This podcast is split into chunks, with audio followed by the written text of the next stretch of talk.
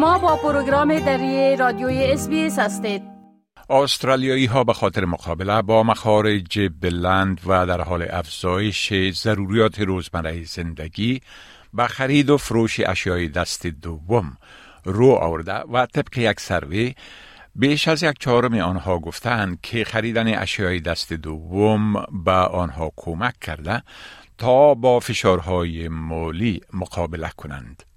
خریدن اموال دست دوم و همچنان فروش کالاها و وسایل اضافی در شرایط مشکل اقتصادی جاری بسیار عمومیت پیدا کرده و مردم با این کار به پیمانه قابل ملاحظه صرفجویی می کنند. گزارش این سروی از جانب نهاد گراج سیل پیپال نشان می دهد که با ادامه بلند رفتن قیمت اموال و کالاها از هر چهار نفر استرالیایی یک نفرشان اشیای دست دوم می‌خرند و یک سومشان می‌گویند که اموال و اشیای بیشتر دست دوم خواهند خرید. اندرو در مؤسس نهاد اینترنتی خرید و فروش کالاهای دست دوم به نام گاراج سیل تریل درباره گزارش این سروی صحبت کرده و می‌گوید که معاملات اموال دست دوم در شرایط مالی کنونی وسعت و محبوبیت فراوان یافته است. To mark the upcoming Garacel Trail, we've released the PayPal Garacel Trail research report, and it shows how Australians are feeling about shopping secondhand, which is particularly relevant to the current cost of living issues that so many are facing. And the research shows that shopping secondhand in Australia is big. And shopping secondhand is no longer considered shopping second best because two in five Australians have bought something secondhand within the last year. And one in three Australians have sold something secondhand in the last year. آقای ولدر میگوید که شمار زیادی از مردم به بازار اموال دست دوم رو آورده هم اموال دست دوم را میخرند و هم اموال غیر ضروری خودشان را در معرض فروش قرار می دهند. او علاوه می کند که تقریبا نیمی از استرالیایی ها می گویند که چیزهای استفاده نشده یا ناخواسته در اطراف خانه دارند که می توانند آنها را بفروشند و تخمین می زنند که این کار می تواند طور متوسط 1700 دلار درآمد برایشان حاصل کند.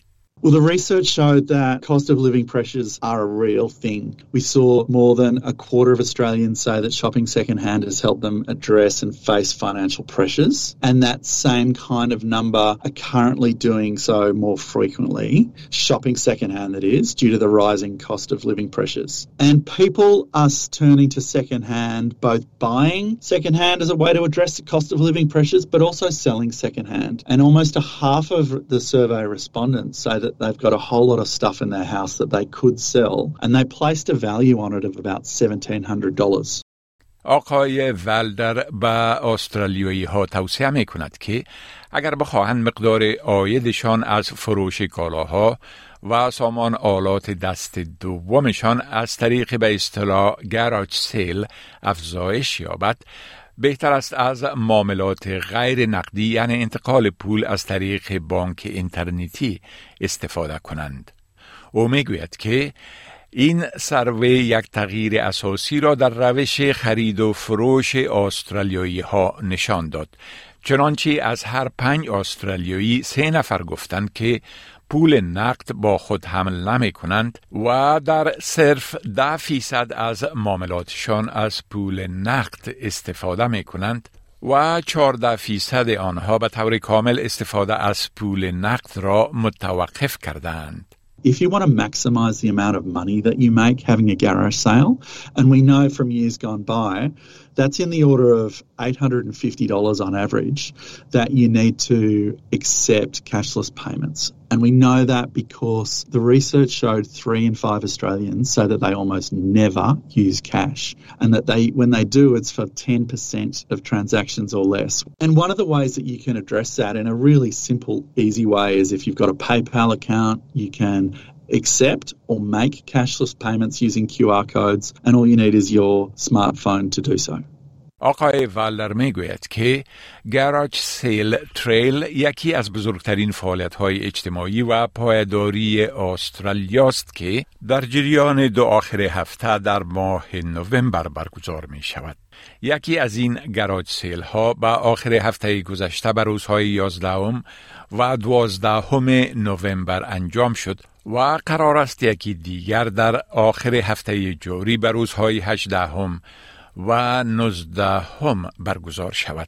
Garrisell Trail is Australia's largest community and sustainability event. Over these two weekends, there's over 15,000 Garrisels happening around the country, and there'll be more than a quarter of a million Australians shopping and selling. And the end result of that will be there'll be more than 3 million items that are kept out of landfill. We call it Australia's Festival of Pre-Loved Stuff, and it's about shining the spotlight on secondhand and encouraging people to reduce the waste that they create and connecting with their communities in the process.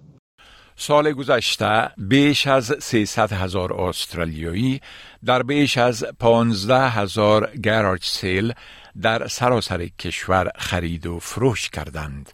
If you want to get involved, go to the website garriselltrail.com.au. You can register a sale for free. Or if you're a shopper and you want to find out what's going on in your local area, hit the website and you can see what's going on near you. می خواهید این گونه گزارش ها را بیشتر بشنوید؟ به این گزارشات از طریق Apple Podcast، Google Podcast، Spotify و یا هر جایی که پادکاستتان را می گیرید گوش دهید.